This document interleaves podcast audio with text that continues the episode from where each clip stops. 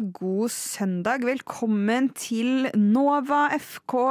Radio Nova sitt helt egne og da eh, eneste og beste eh, fotballmagasin. Mitt navn er Sofie, og i dag sitter jeg her med Erlend. Hallo. Hei. Hallo. Og så har jeg lyst til å si god søndag til deg, Erlend. Men fordi dette er et fotballprogram, og vi snakker om ting som er hyperaktuelle hver uke, så må vi nesten disclaimer på forhånd at vi sitter ikke her på søndag. Nei, Nei. det gjør vi ikke. Dessverre. Fordi eh, hvis du har fulgt oss i et helt år, så vet du at den sendingen vi hadde, hvor vi hadde reist ned fra Radio Nova sin hyttetur i Sørkedalen, det er noe av det verste vi har lagd. Eh, på Radio Nova, i Nova FK og nok ellers i livet også. Så i år så har vi bestemt oss for at når Radio Nova gjennomfører sin årlige hyttetur, så skal vi ha en skikkelig god, påskrudd, ikke bakfull, ikke tidlig om morgenen lagd sending eh, klar Klar, klar til deg. Så eh, mye av det som vil ha skjedd når du hører dette på søndag, har ikke skjedd for oss ennå. Eh, og det er det litt viktig for oss at du vet, sånn at du ikke tror at vi bare er eh, dumme. eh, og ikke følger med. um, men i hvert fall, uansett da, om det er søndag eller ikke, åssen går det med deg, Erlend? Eh, det går greit. Det, Det går er jo greit? eh, Selv om det er en eh, tidlig i uken, så er det nå nokså tungt allerede. Og jeg tror nok det kommer til å bli Jeg tror nok at eh, på søndag så kommer jeg til å være relativt eh, kjørt etter denne uken. Ja. Det er jeg ganske sikker på. Ja, for ja, jeg også har mer energi enn jeg pleier å ha på en vanlig søndag. Eh, så, men det går bra, bra her òg. Faen, jeg var bada i dag tidlig, sånn klokka halv åtte om morgenen. Oi, herregud. Eh, ja, det var dritnice. Det, hett tips. Eh, finn deg noe som får deg opp av senga før lysets frambrudd. Eh, for jeg pleier å våkne med sola på, i sommerhalvåret. Og det er jo dritsmooth, for da kommer jeg meg tidlig opp. Jeg har gjennomsiktige gardiner som slipper inn alt av lys, og dødsnice. Minus er jo at jeg er jo student og har veldig sånn ansvar for egen læringsstudie. Ja, ja. Eh, så jeg har ikke så mye faste greier til om morgenen. Og nå merker jeg at nå pushes tiden jeg våkner seinere og seinere. og senere. Så det å da bare finne seg en grunn til oss, hvis man er i den situasjonen, da, finne seg en grunn til at faen heller stå opp mens det er mørkt. Helt alfa og omega for uh, et godt liv, altså. Ja. Det er det. Så um, til deg, Erlend, og alle andre, gjør det. Uh, og et uh, hett tips til. Hør på Sinsenfist, og det skal vi jammen fikse for deg akkurat nå. Du skal få høre Hvite sneakers. Radio Nova. Hvite sneakers var det av Sinsenfist. Noen skikkelige favoritter her i Radio Nova.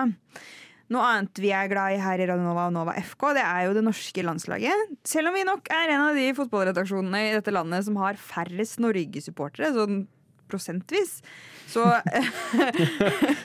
er vi jo stort sett glad i det norske landslaget. Og eh, i helga så var det jo da Norge-Spania. Som, det er vel ikke en spoiler alert lenger at det ikke gikk så jævlig bra. Ja, det er vel å si det mildt, tror jeg. Men, men det gikk ikke så jævlig dårlig heller. Det var, det var ikke så dårlig som man skulle tro, men det er jo resultatet som står for seg sjøl, og da hagler jo kritikken nokså kraftig uansett om man har spilt en god kamp eller ikke, føler jeg. Ja, for Norge har fått litt kritikk for eh, Solbakken har vel fått litt kritikk for denne kampen. Ja da, han har jo det. Det stilles jo spørsmål ved er han riktig mann til å fortsette. Nå har de feilet å ta seg til, til sluttspill i de siste mesterskap siden han ble trener for Norge, så, så det er jo det er jo mye spørsmål rundt han, om han er riktig mann, om han har riktig mentalitet, om han klarer å gjøre det riktig i de avgjørende fasene. For det er jo der Norge alltid har sviktet. Det er liksom i de avgjørende kampene det, det alltid har slått feil. Ja. Ikke det at vi alltid har hatt de enkleste kampene som avgjørende kamper heller, da. Nei, det Og nå med sies. Spania Altså Vi er jævla heldige som har noen norske spillere nå som hevder seg på et nivå som gjør at det sitter noen folk her i Norge og tenker at Norge kan slå Spania. Ja. Eh, jeg tror mange landslagstrenere hadde klart å prestere Altså klart å diske sammen et lag eh, og en taktikk som hadde endt i mange flere mål enn 1-0 til Spania. Ja, det tror jeg. Eh, for, Norges del så er det egentlig et godt resultat. Vi er jo blitt bortskjemt med det at vi har Haaland og Ødegaard og Haaland og Ødegaard Ja, det er jo flere på det laget som, som hevder seg i, i verdenstoppen i fotball. Ja. Men det er, det er vel de to som står ut som de største navnene. Ja, og sånn som Drillo før kampen på eh, Ble intervjua før kampen på søndag. Ja. Det er jo de to han prater om. Ja, ja. Eh, snakker om stjernene våre, altså Erling og Martin. Eh, så ja. Eh, Så var det jo også det snakket rundt f.eks. at eh, Oscar Bob fikk tillit fra start. sant? Så Ja. ble det jo i ettertid Var det egentlig riktig å sette han inn fra start? Var han klar for den store oppgaven? Så, Som, møt, som, som, ventet han når han skulle mm, prøve seg mot de spanske bekkene osv. Så, videre, og så, videre. så Så det er jo litt av de valgene som, eh, som Solbakken tok inntil det, det den kampen som også settes eh, spørsmålstegn ved. Ja, for Hva tenker du? For Oscar Bob rakk jo så vidt ikke å spille times til timesmerket. Eh, hvordan syns du han presterte? Altså det var Til å være fra start så er jo det ikke sånn kjempe kjempefantastisk, liksom, hvis du ser eh, i forskjell til hvordan Nusa gjorde det eh, når han Ja. startet for, for Norge eh, i sin første kamp, og innhoppet. Så, så er jo det liksom ikke mm, like bra, men uh, han, gjorde, han gjorde det helt OK. Midt på treet, føler jeg. Ja. Ja. Det var, det var ikke noe eh, ekstraordinært ved, ved, at han, ved, ved, at han fikk sjansen fra start, men det er, jo, det er jo vanskelig når man spiller mot Spania. De har jo så gode spillere på alle, alle plasser på banen, så, så det er jo det er jo en vanskelig oppgave for en eh, Han er jo vel bare 18 år, Herregud. så det, det skal Ja, det, det, det er vanskelig for han, det der. Ja, og, og det som også det som vi på en måte visste, var Vi visste jo at Norge kom til å skape noen sjanser. Vi visste at det kom til å komme noe gjennom. Eh, og så er det jo utrolig frustrerende at det skjer, og at det ikke blir noe av. Spania har et Altså Angrepsmessig så har jo Norge eh, det beste angrepet vi har hatt på gud vet hvor mange år. Eh, men du ser, så det på de to lagene på banen at fy faen. Altså Angrepsmessig kanskje nesten like gode i den Mm. kampen. Forsvarsmessig fy faen så mye bedre forsvar Spania har enn Norge. Ja, de har det. det men det er, jo, det er jo noe som jeg også skulle til å si stilte spørsmålstegn ved, ved forrige sending. Denne forsvarsbekken, eller forsvarslinjen som, som Solbakken hadde tatt ut. For jeg, jeg mener jo, eller jeg, men, jeg mente jo da, og jeg mener jo fortsatt etter den kampen, at, at, at Stefan Strandberg egentlig ikke har noe å gjøre fra start mot Spania. Eh, og det, på en måte så man jo det i kampen, med at han nesten skåret selvmål. Var jo heldig med at det ikke ble mål der. Ja, Men eh, han opphever jo på mange måter også offsiden på Morata når skuddet går fra Oyarzabal, tror jeg det, som, som, som ender i at Gavi skårer. Eh, det ene målet som Spania fikk. Så, så man, Ja. man kan jo trekke ut sånne enkelthendelser, men altså, jeg vet ikke. Han er, han er 33 og spiller i Eliteserien. Så, så jeg føler litt at, eh, at, at det kanskje var et litt, litt dumt valg. Ja, Men, det, men han har jo vært solid før. Så, så det er jo ikke det. Men det kan jo være at de store kampene så, så ble det litt, eh, litt mye. blir litt for hett for han, liksom. Ja. Ja, det Det så jo litt sånn ut. Så, men eh, For nå eh, Norge har jo teknisk sett fortsatt en sjanse. Det snakka jo dere om en del på søndag som Mhm. var, Erlend. Eh, at med Nations League-ranking og sånn, så kan Norge gå videre. På Eller få en sjanse til å spille seg Ja. videre. Ehm, på søndag, når du lytter, hører dette, så eh, vet man jo om den muligheten i det hele tatt slår ut eller ikke. Eh, men si enten at den gjør det, da, eller at det er dette laget som eventuelt spiller akkurat dette laget som spiller for Norge neste Denne troppen som spiller for Norge neste gang det skjer noe. Om EM ikke blir. Eh, hva tenker du at Hvis det fortsatt er Solbakken, at han må endre på? Hva, hvordan hvordan, blir, hvordan tar vi det grunnlaget vi har, som er bedre enn vi har hatt på så lenge, og gjør det til et lag som faktisk kan slå Spania? Eller fuckings hvem som helst. Frankrike. Jeg føler at, eh, at det er viktig å ha, um, å ha å ha spillere som først og fremst er spiller fast på sitt lag, som har jevnlig kamptrening. Fordi at uh, å komme på landslagssamling plutselig en gang i måneden, et par måneder i året, og ikke har spilt noen kamper jevnlig mellom det, det tror jeg gjør det vanskelig å komme inn plutselig i en, i en kamp med landslaget og skal prestere.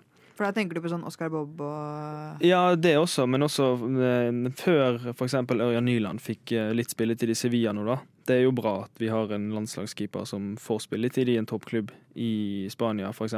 Ja. Eh, men før det, når han ikke fikk noe spilletid og hadde mange sesonger der han var utenfor eh, førsteelveren, så, så, så er det jo litt sånn Man burde jo ha spillere som spiller jevnlig, føler jeg. Eh, og så tror jeg det er litt lurt også å prøve eh, i diverse treningskamper, som ikke er så veldig viktig, å prøve ut litt unge spillere. At de får sjansen og får muligheten til å spille seg inn i landslagstrøyen. Og liksom kjenne på det presset, hvordan det er å spille for landslaget. Og, og når de kommer til litt større kamper, så på en måte har de, har de et par kamper i beina. De har på en måte litt den mentaliteten. Litt høyere mentalitet, i hvert fall Ja. som jeg føler kanskje er, er viktig. Og så er det jo et stort press, sant? for Norge har jo ikke vært i et mesterskap på gud vet hvor mange år. Så det er jo hver gang Norge skal prøve å kvalifisere seg, så er det et enormt press, uansett hvem vi møter. Og jeg føler det er det presset som, som de må legge til side, for vi har jo spillere som spiller i de største ligaene i verden, og som har mentalitet som er ekstremt bra, men man må ha det på alle plasser på banen. Ja. For hvis én svikter, så, så svikter alle, føler jeg. Ja. ja, det var jo det som skjedde i noen av de situasjonene som ble For det, ble, det var jo ett eh, mål som ble annullert for eh, offside Det VAR ganske tidlig for Spania, men det var jo et klussehelvete i det norske angrepet som førte til at det det hele tatt ble noe. Eh, så ja, jeg tror du, har, tror du har helt rett. Og også, ja, det å, det å få de skikkelig unge guttene som får prøve seg At det kanskje, den muligheten kanskje kommer før de skal møte Spania i en helt avgjørende kamp i Ja, EM. det er akkurat det. Ikke dumt, men nå har de nå i hvert fall fått prøvd seg på den, så da får vi vel håpe at de er klare til neste gang. Og hvis ikke, så får vi kanskje rett og slett be om en liten tjeneste fra Gud.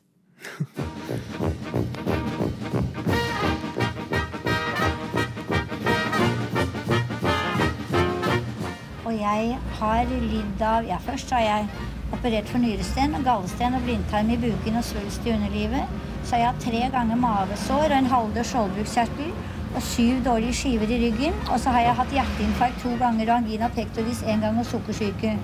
Og nå er jeg bra. Radio Nova. Der der hørte du hinker. middels klasse med Guds tjeneste. Du fortalte meg noe interessant her om dagen, eh, Erlend. Ja. Du eh, nevnte på at eh, det går nå en teaterforestilling om det engelske landslaget i Ja. England. Det gjør det. For det ble jeg, jeg er jo England-supporter sjøl, så det er klart eh, Så er jeg ikke noe særlig superfan av teater, men jeg kjente at dette er kanskje en teaterforestilling som jeg også kunne sett, eller? Ja, det tror jeg. Jeg tror Hvis du er glad i fotball, og spesielt det engelske landslaget, så tror jeg du nyter godt av den forestillingen. Ja. Eh, for det er jo eh, den, den gikk jo eh, Den hadde premiere i juni i år. Mm. Eh, og så eh, ble han satt opp igjen på et nytt teater da nå i oktober i England, som skal gå fram til januar. Um, og det er jo et stykke som handler om engelske landslaget, hovedsakelig Gareth Southgate. Han som trener, og det engelske landslaget under ledelse av han, og på en måte litt hans revolusjon da, for det engelske landslaget. Og, og har på en måte tatt de litt opp igjen i, i snakken, sant? Altså når de var i fotball-VM i 2018, helt derfra og fram til eh, VM i fjor, tar liksom handlingen seg for, da. Og en EM-andreplass imellom der, som var Mm. som et helvete. Ja, det, så handler det liksom om da oppbygningen og det som skjer etter disse store turneringene, og hvordan media presser, og hvordan engelske folk eh, har troen, men så mister de litt troen igjen sant? Når, når de taper, og når de f.eks. rykker ut i kvartfinale i 2022, og, og, og så videre og så videre. Så, så, Ja. så er det eh, Det engelske folket ja. og meg, ass. Fy faen. Ja, men det er jo Og så er det jo eh, et stykke som eh, er veldig interessant, fordi at de, eh, alle de eh, karakterene som er med, er jo ekte eh, personer. Ja, for hvem, hvem er persongalleriet her, liksom? Hvem er det vi faktisk får se? Det er jo det engelske landslaget, da. Det er Så jo, er det noen som eh, spiller Harry Kane, for eksempel? Ja, det er det. Det er noen som spiller Harry Kane, det er noen som spiller Jordan Henderson, Jordan Pickford. Er, det noen som må, er det noen som må spille Harry Maguire? Ja da. Har den skuespilleren nå hemmelig adresse?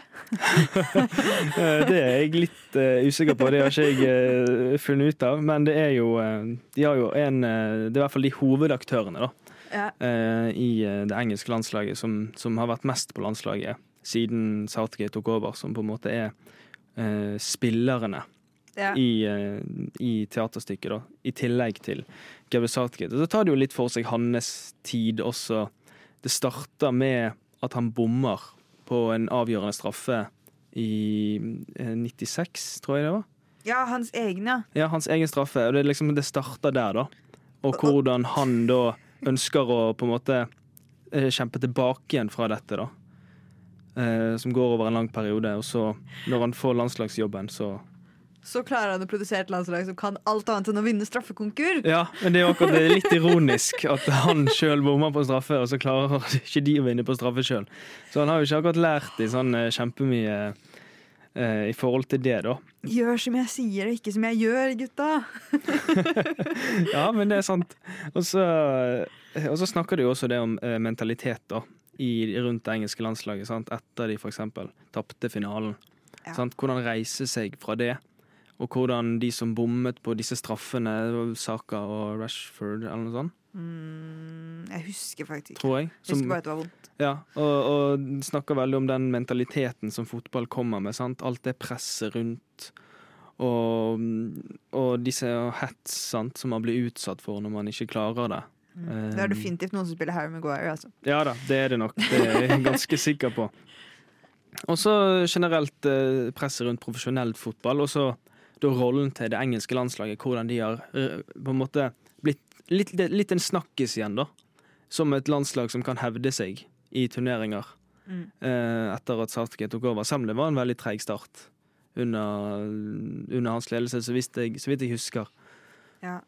Men fordi nå, når du beskriver det, så får jeg på en måte Jeg vet ikke helt hva det er, men det er noe av det at du liksom skal snakke litt om de vanskelige sidene og liksom eh, veien framover. Det er noe av det som gir meg litt sånn Den kulturelle skolesekken-vibe. Ja. Men du har jo ikke sett noen klipp, det har ikke jeg, og så ser det bra ut. Ser det ut som noe For spørsmålet her er jo litt Eh, Nå får du mange spørsmål, eh, men eh,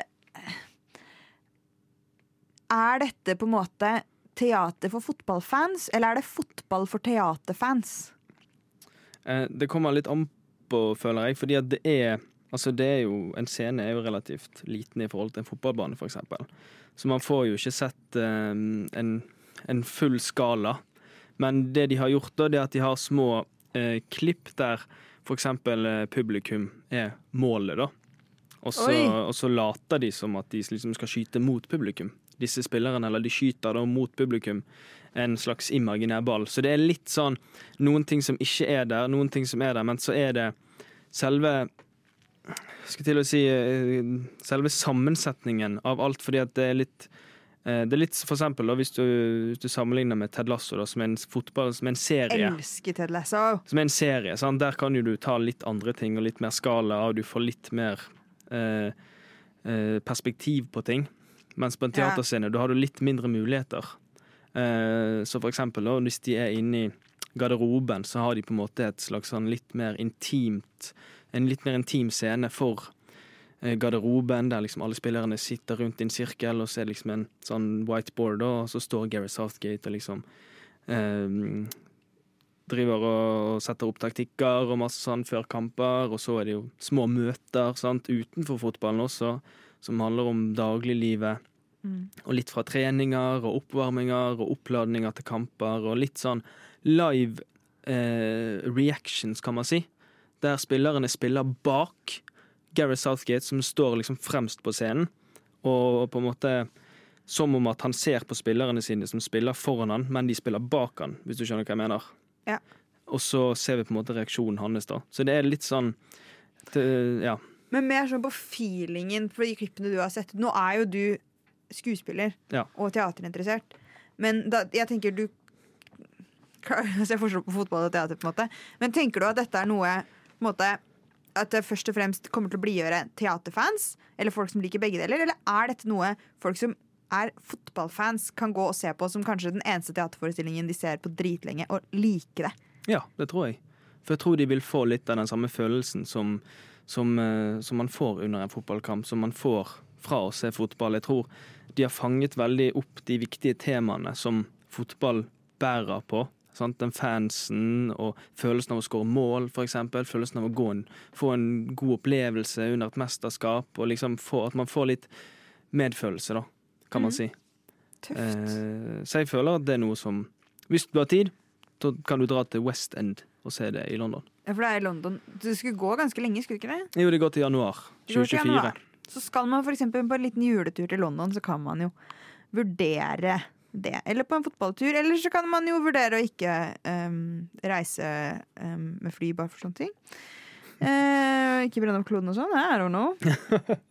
Eh, men ja, det går i hvert fall i London, og det finnes jo også litt klipp fra før som du kan se. Men det høres jo i hvert fall spennende ut, da. Vi skal til et band som heter Shiner, med deres selvtitulerte første singel.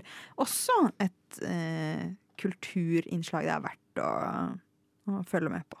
Du lytter til Radio Nova. Det var Shiner med Shiner. Og vi har prata litt Vi har pratet litt om fotballteater, vi har prata litt om, eh, om EM også. Eh, og Norge-Spania er én ting, men det er jo en annen ting som har skjedd som jeg føler at vi må innom. Og det er jo angrepet i Belgia. Mm. Hvor svenske fotballsupportere har blitt eh, offer for en terrorhandling. Har de nå gått ut og kalt det en terrorhandling? Det her er alltid en Ja, jeg tror de har det. det, altså, det er jo etter alle målestokker eh, et terrorangrep. eh, Og et eh, islamistisk motivert terrorangrep. Og man antar jo da at um, uten at man har det bekrefta fullt og helt, at Sverige og svenske fotballsupportere da har vært et mål av um, tilstandene i Sverige i det siste, og hvor betent det har vært der med koranbrenning og sånne ting. Og jeg kjenner at altså, alle sånne angrep og eh, altså drap på uskyldige mennesker gjør kjempevondt. Og så i tillegg så er det et aspekt her med liksom et angrep på på en måte fotballen også, som jeg syns blir så en ekstra fucka dimensjon til hele greia, som er så vond. Mm. Fordi er det én arena som liksom klarer i større grad enn resten av samfunnet å gå i riktig vei når det kommer til veldig mange sånne ting. Ikke nødvendigvis på internasjonalt plan, Nei, men eh, ja. ikke på internasjonal fotballpolitikk, men på grasrotnivå, på menneskenivå, er det én arena som faktisk virker samlende, og som klarer å jobbe og ha effektive resultater i arbeid mot eh, rasisme, mot Altså for mangfold, mot hat og eh, for integrering, for eh, altså religiøst mangfold, etnisk mangfold, så er det faktisk fotballen. Og det at fotballen skal bli et mål for noe sånn, Ja, det er veldig um, Det er veldig surrealistisk, egentlig. Altså, jeg, jeg husker jeg, jeg leste nyhetene. Jeg ble veldig Jeg ble veldig paff. For jeg tenkte sånn Nei, dette kan jo umulig være være sant. Dette kan jo umulig ha noe tilknytning til den kampen, men det har jo åpenbart det. Og det at det, det er en bevisst handling i tillegg, at det er bevisst rettet mot svensker fordi de var svensker, Mm. er jo, som, som statsministeren i Sverige sa, så er det jo um, jeg, jeg skjønner liksom ikke helt uh, hvorfor. Altså det, Treneren til Sverige gikk ut og sa hvilken jævlig verden er det vi lever i, liksom. Mm. Når, når folk gjør sånn på bakgrunn. Altså det er jo Det er fotball, altså. Det er liksom the beautiful game, som de kaller det. Mm. Det skal jo være det. Og man skal liksom kunne føle seg trygg, og at det skal være en slags fri, fri, fri, fri plass. Kan man si At man kan liksom slippe å tenke på alt mulig. Man kan være samlet om et lag og, og på en måte kjenne på den patriotismen og kjenne på at man på en måte er samlet og, og, og har dette mangfoldet, og så skjer dette Mm. som skjer. Det er jo liksom Ja, jeg vet ikke. Det er, det er kjempevondt. Det er helt forferdelig. Og så tror jeg også det er viktig etter en sånn hendelse Nå har jo ikke dette skjedd i Norge, men eh, det er nok mange i Norge som føler seg ganske berørt av det. At fotballen tar et enda tydeligere At, at fotballen bare fortsetter i riktig retning og tydeliggjør sin rolle og er ekstra flinke nå til å slå ring om alle spillerne sine. Alle som er interessert i fotball. Mm. Eh, alle som har tilknytning til den sporten. Da samla mot eh, Mot den typen holdninger som førte til det som skjedde i Belgia, da. Jeg tipper nok det vil bli markeringer i de fleste ligaer Ja. i den kommende runden. Det tror jeg også. Det er jeg ganske sikker på. kommer vi jo til å ha sett innen du hører dette. Eh, og det har sikkert også skjedd utviklinger i saken innen du hører på dette, men eh, Ja. Nei, men jeg håper virkelig at fotballen klarer å Klarer å samle seg, og at dette ikke da blir grunnlag for at noen blir mer skeptiske eller mer Altså mindre åpne for mangfold også på fotballbanen. Mm. Eh, som jo dessverre kan bli en konsekvens. I hvert fall eh, forferdelig, forferdelig sak som vi nok kommer til å høre om også i fotballverden i lang tid, eh, lang tid framover. Ja. Der hørte du Mia Berg med High Ceilings. Vi snakket nettopp litt om angrepet i Belgia. Men jeg har også lyst til å ehm, ta opp noen saker som har som jeg har sett i det siste, som både har eksemplifisert litt det vi snakket om med at fotballen liksom er en jævlig sånn samlende grasrotarena. Eh, for det har vært noen gladsaker i det siste også. Eller gladsaker og litt rariteter og kuriositeter, selvfølgelig. Men en av de tingene som, eh, som kom, har nettopp kommet ut når vi prater om dette, er det at eh, nå i den pågående Israel-Palestina-konflikten så har Algerie eh, åpnet opp for at det palestinske landslaget kan få spille alle sine kamper og holde på med all sin eh, nødvendige aktivitet eh, i Algerie. Og det er sånn, det er klart, selvsagt, dette er også et uttrykk for eh, allianse eh, med palestinerne, og det er jo også da en, en religiøs bakgrunn for eh, det allianseuttrykket. Men, men det, jeg syns også at dette faktisk er eh, et, et slags en slags støtteerklæring til fred også, da. Eh, og dette er jo det, dette er jo ikke, dette er jo det algeriske Algeriske, algeriske Fotballforbundet, i hvert fall, som har utstrekt denne, denne hånda. Det ser jeg er veldig fint. Det er liksom Ja. Fotballen støtter fotballen, på en måte, og uh, Ja. Så, så er det litt sånn gladsak. Og så litt Det er jo en helt annen type sak. Det er ikke, dette er jo ikke noe politisk i det hele tatt. Men har du sett Nå skal jo være en eh, ny Netflix-dokumentar nå om eh, Beckham-familien og Victoria Beckham. Mm, den er kommet ut, den. Den er kommet ut. Jeg har ikke sett den. ass tror nok ikke jeg kommer til å se den heller. Det er litt for er litt for før min tid og litt for mye tabloidnyheter for min smak. Men jeg har jo sett det klippet som de fleste har sett eh, av Victoria Beckham sitter og snakker i en sånn one-on-one-intervju sitter i en sofa og snakker om at familien hennes var liksom working class. Og så kommer David Beckham inn døra og er sånn Øy, hva slags bil var det faren din Du er working class, hva slags bil var det faren din kjørte deg til skolen i? Liksom. Og hun prøver å snu seg bort fra spørsmålet, og han er sånn Nei, nei, svar på det, liksom. Og så har jo det her bare blitt latterliggjort i sosiale medier som en, altså, en latterliggjøring av hun. Men jeg, noe av det første jeg liksom begynte å tenke på, var altså, faen, det her er jo også altså, Det viser så godt fram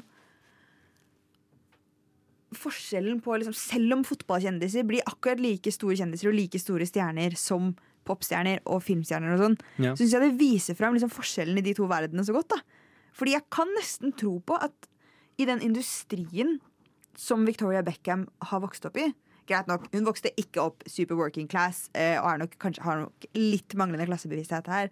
Men i den industrien som hun kommer fra, så tror jeg liksom working class det er at du har foreldre som er fra utenfor industrien og har quote on quote vanlige jobber. Ja. Eh, som ikke er liksom mm, eh, Ja, kjente, da. Ja, ja. Mens David Beckham kommer fra fotballverden Fra hva kan vi si, vår verden. ja jo, altså det har, og han har jo altså, Veldig mange av de han har hatt som kolleger opp gjennom årene, også store stjerner, det har vært ekte working class people, mm. liksom. Jeg, bare, jeg, jeg syns det liksom eksemplifiserte bare så jævlig godt. Altså, det er egentlig så tøft hvor mange av stjernene i fotballverdenen kommer fra. Ja, det er sant. Vi har jo litt nepotisme, da, for all del. Vi skal ja, ikke fraskrive oss det, men ikke like mye som eh, Som eh, andre steder. Nei, det kan man si. Så Så nei, bare litt sånn faen. Litt sånn kudos til fotballen, liksom. Det er, det er jo Fotballverden er et kult sted, ass. Du blir litt glad av å høre sånn noe. Ja, det, altså, det er jo Man må jo De fine sakene må jo man ta med også, tenker jeg. Ja. Og når fotballpolitikk på toppen fortsatt er så fucka som det er, så er det fint å kunne tenke på at eh, i bånn så er det både flinke og velmenende, hardtarbeidende folk og ildsjeler og spillere og alt mulig som gjør fotballen til den egentlig er. Ja. En applaus til alle dere, ass. Eh, og noe mer som er fint å høre på, det er en gammel låt som jeg har hentet fram fra Nova-arkivet, eh, nemlig 'Smekereven med halloi'. Jeg vil gjerne ha en øl, takk. Jeg vil gjerne ha en whisky, takk. Jeg vil gjerne ha en flaske vin. Rødvin, Rosévin. hvitvin, Skål. Det er radio, radio Nova. Halloi, hørte du der altså med Smekerøven, en gammel Nova-hit som du kanskje har hørt andre steder siden, fordi Radio Nova gir deg favorittmusikken din før du visste at du likte den. Boom! Siden eh, jeg sist var her og snakket om den forferdelige Liverpool-Tottenham-kampen Å, Sorry. Helvete, jeg sa boom litt for hardt, gitt.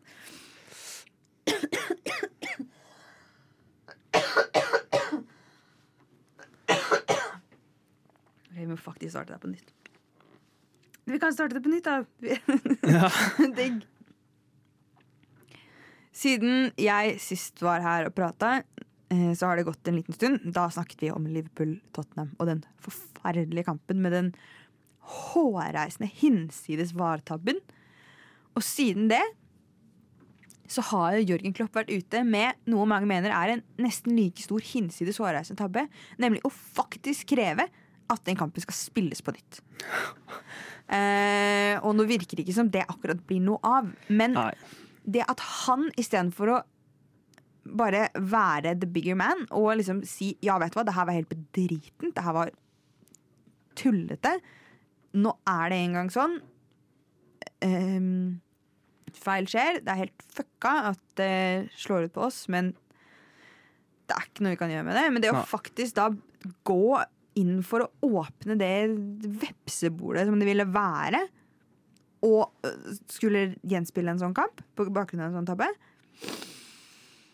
Vanskelig å stille seg bak det også, på en måte. Ja, det er jo det. Jeg føler litt at uh, det blir nesten like dumt å spille kampen på nytt igjen, på en måte. Ja. Uh, fordi at eh, det På en måte så er det jo litt av det som er med fotballen, at den kampen spilles den ene gangen. Og det, sånn er det, med mindre det skjer noe ekstraordinært. Og selvfølgelig, dommerfeil kan forekomme, men jeg føler ikke at det er grunn nok til å skulle kreve at en kamp spilles på nytt igjen, for det er jo helt andre forutsetninger på en måte, føler jeg. Hvis kampen spilles på nytt igjen, og da Det blir, det blir litt sånn det, det blir litt teit, Ja. egentlig. Ja. Eh, 100 Og så syns jeg Ja. Men det har jo vært Dette er jo den, Denne VAR-feilen er jo på en måte bare Det som da skjedde, var jo at eh, dommeren og VAR-rommet rett og slett misforsto hverandre på hva slags avgjørelse som ble tatt. Ja. Fordi situasjonen var så åpenbar at VAR-rommet trodde at dommeren Eller trodde at de skulle sjekke det motsatte av det de Ja. skulle sjekke. Så de ga en OK beskjed, og så ble motsatt dømming skjedd. Og da, når det først var gått i gang igjen, så Kan man ikke stoppe. Så kan man ikke stoppe å endre på det. Um, så, og det jeg syns er litt interessant med det, er jo at den feilen her skjer jo i det som på en måte skal være det faktisk viktigste prinsippet i uh, hele VAR-greia.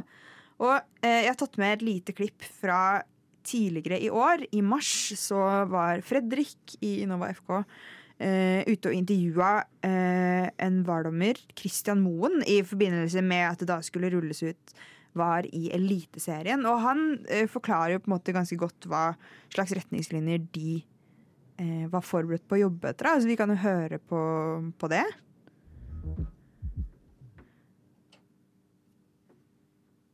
Feil klipp. Riktig klipp nå. Så hvis man tenker hva VAR skal hjelpe til på, så er det helt åpenbare, klare situasjoner. Clear and obvious er jo teksten i, Ja. i lyden. Ikke sant? Så da er spørsmålet er dette clear and obvious. det, det er en vurderingssak, om det er det eller ikke. Og da eh, legger vi jo til grunn eh, at det skal være så tydelig at det, alle, det er entydig for alle at dette er et straffespørsmål. Ja, det, akkurat eh, der hadde de jo spurt om en straffesituasjon. Men det er det her med liksom clear and obvious, entydighet. Og at når selv, ah, når selv en entydig situasjon blir misforstått, på en måte, er var bare håpløst. Altså, jeg, jeg syns jo at eh, når han sier dette med clear and obvious, det føler jeg er et ord som blir brukt i tide og utide konstant i forbindelse med VAR. Fordi at hver dommer har sin formening om hva som er clear and obvious, vil jeg si. Uansett om man har gått på samme kurs, uansett om man eh, har gjort sånn og sånn og sånn, så er jo hver kamp forskjellig. Hver kamp har forskjellige situasjoner som kan tolkes på samme måte, som kanskje er bitte litt lik. Og så er det jo også de som sitter på VAR-rommet, som på en måte skal supplementere med OK, hva tenker du om dette? Sånn og sånn og sånn. Og så er jo det Og jeg tror Clear Obvious har blitt brukt ganske mye mer i Norge i forhold til at eh, det er blitt innført i Norge nå. Ja. Um, og der er det jo mange situasjoner som er like. Sant? Det er jo f.eks. dette med hands-regelen. Når er det hands, når er det ikke hands, når er det straffbart, og når er det ikke, osv. Og, så og så er det like situasjoner som blir dømt ulikt i forskjellige kamper. sant? Og det er jo det folk, jeg tror det er det folk frustrerer seg mest over. At ting ikke blir tolket på samme måte i kamper der ting på en måte, altså i forskjellige kamper. At dommere dømmer ulikt, selv om det er Selv med var. ja, selv liksom. med VAR, og selv om en situasjon er tilsynelatende ganske lik. Og det tror jeg nok det er det folk eh, eh, som sagt er mest frustrert over. At folk, at, at de på en måte At dette clear and obvious, det blir så det blir så vagt. Det blir veldig sånn eh, hva altså, Man kan nesten ikke si hva det er lenger, fordi at jeg tror ikke de vet det sjøl heller.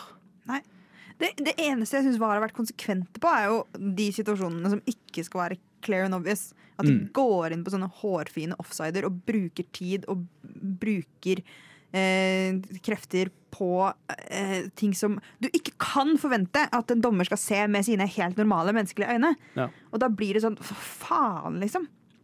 Så ja, ja. eh, det, er, eh, det er frustrerende. Jeg hadde mest lyst til å bare få inn en liten påminnelse på hva, hva VAR egentlig skal være. Og så kan man fortsette å irritere seg eh, med litt eh, ord fra en faktisk hverdommer i, i hodet. Eh, vi skal passende nok høre Clara Keller eh, med 'Sad Thinking of You'.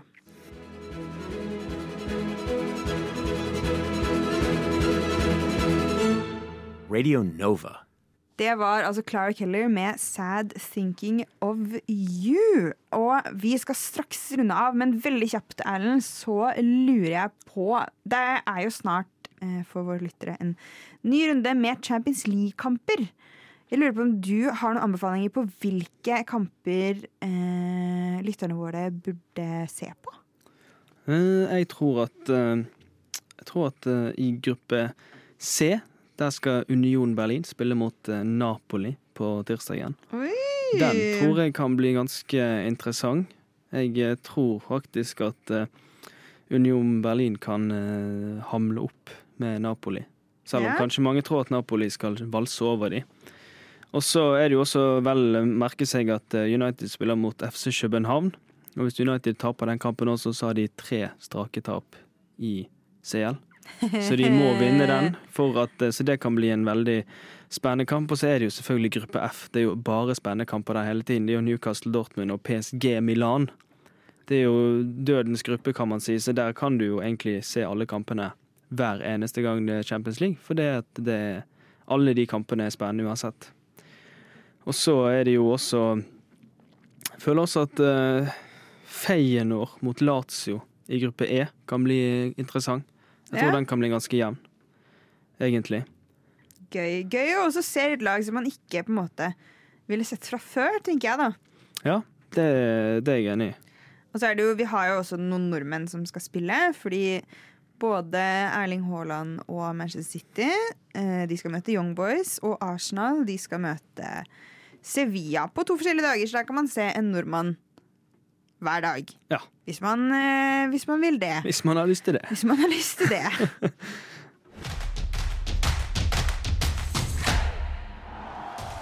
Det var det vi hadde i dagens Nova FK. Mistet jo noe av sendingen, så finner du den snart igjen som podkast. Etter oss kommer Sorgenfri, så bli her på kanalen. Eh, og da gjenstår det bare for meg å si tusen takk til deg, Erlend.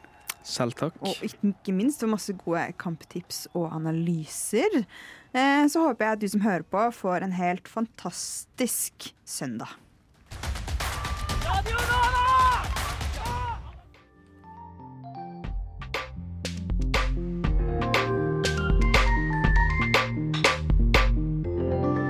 Du har hørt på en Radio Nova-podkast. Du finner flere podkaster i din foretrukne podkastavspiller eller på vår hjemmeside radionova.no.